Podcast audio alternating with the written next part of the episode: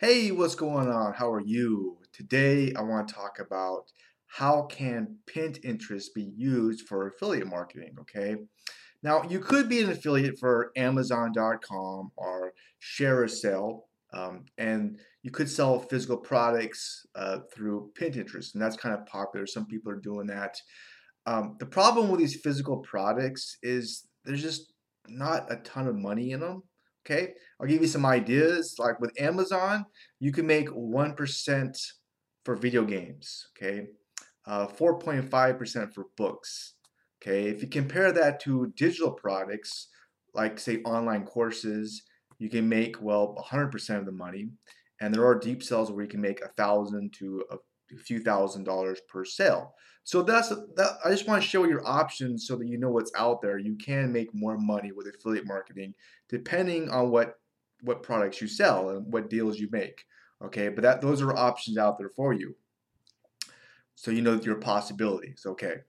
So my whole game plan with affiliate marketing is I use these platforms like LinkedIn, Pinterest, um, I just started getting, using TikTok, and I've been actually made this rap song today. It was pretty funny, and I try to get people off those platforms as quickly as I can and onto my list. Okay, once someone's on my list, I can then use uh, the list to promote products to them. Okay, and this is where all the money is at because most people are just not going to buy the first time they see something. That's just that's just the way it is. Okay, uh, so let's just talk about Pinterest. Okay if I could pronounce pinned interest right. What's the best way of getting traffic? How do we use this tool, which is a search engine, which is pretty, it's still very popular. How do we get traffic from this tool? Well, a great way is with group boards, all right? Group board is just like a regular board, except the owner can invite other people to, well, pin stuff to them, okay? And when you pin something, you could put a link in there, okay? Where should that link go? Yes, it should go to your opt-in form so someone could join your list. Always build, building your list. That's the rule, right? All right. Now you could, of course, send someone to an article or a video, but after that, where should they go? They should go on your list, right? All roads lead to the list. Uh, now there is a catch to this, and um, very recently pinned interest has changed your algorithm, okay? Just like with Facebook, Instagram, and many others, okay? They're, they're, they're tweaking their algorithms. That's why I'm always skeptical about like these short-term hacks for Google or something because, you know, just they change these platforms. Let me see if you can guess what pins are showing up in people's news feeds. Okay, what do you think it would be? What would help a pin show up? Any guesses? Yeah, the ones with the most engagement. It's the same thing with Facebook, right? If you post something and a lot of people comment, like it, it's going to get to seem to more people. It's the same thing with Pinterest, okay?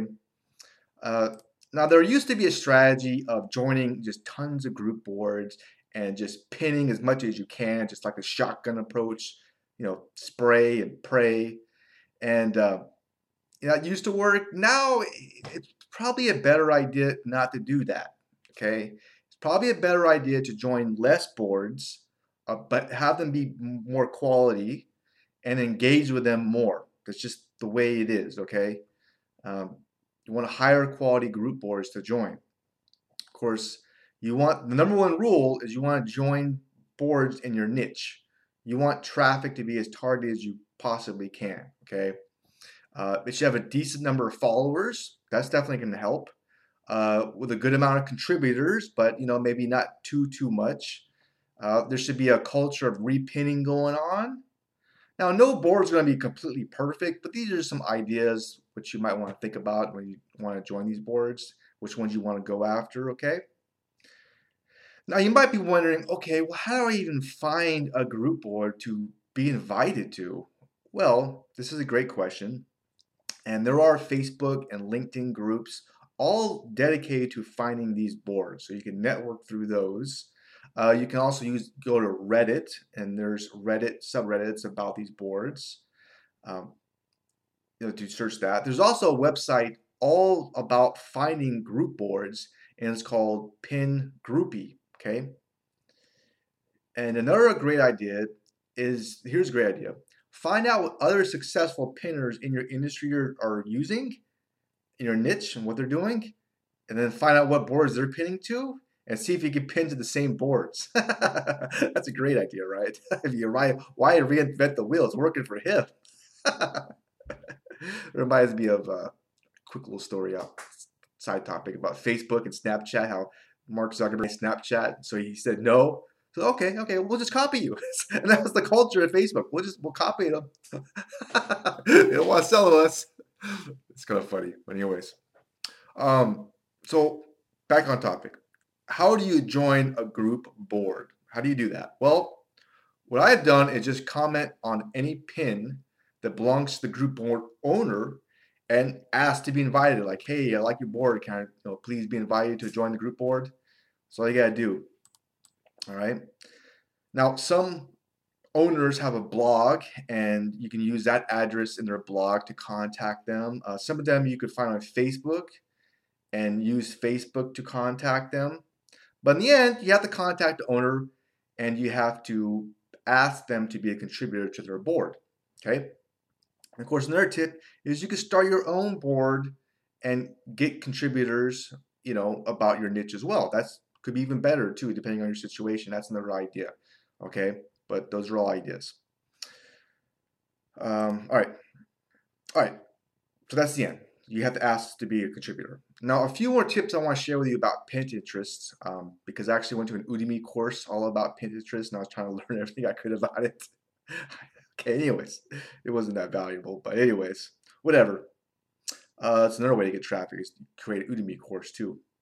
All right, anyways, there's a lot of ways of getting traffic, and again, if you don't like Pinterest, you don't have to use it. Any of these platforms, it's up to you if you want to use it or not. There's so many ways of getting traffic.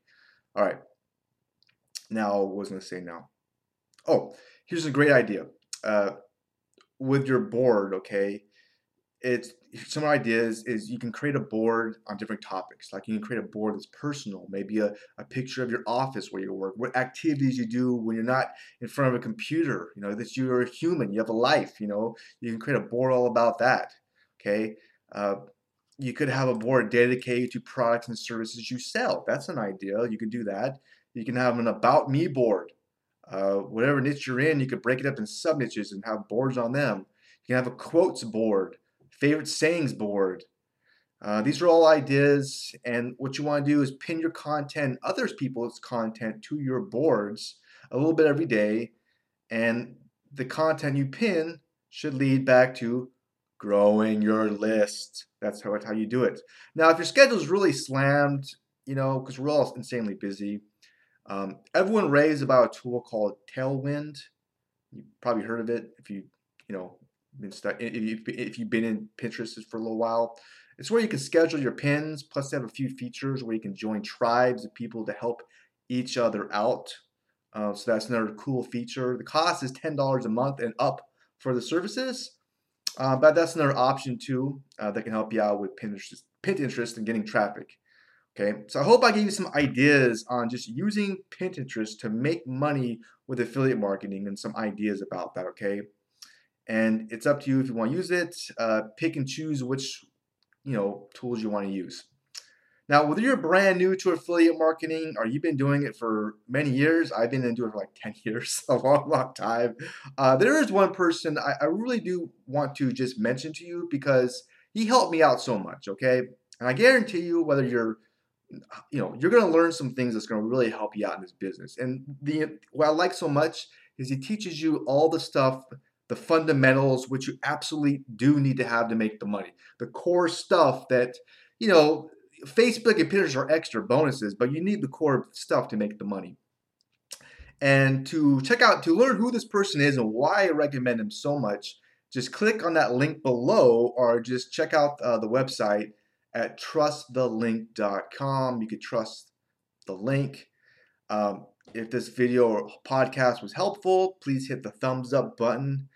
As always, your comments are always appreciated. Anything you want to say, I really appreciate your comments. It, it, whatever your experience been with Pinterest, Uh, anything agree, disagree, let me know too. Okay?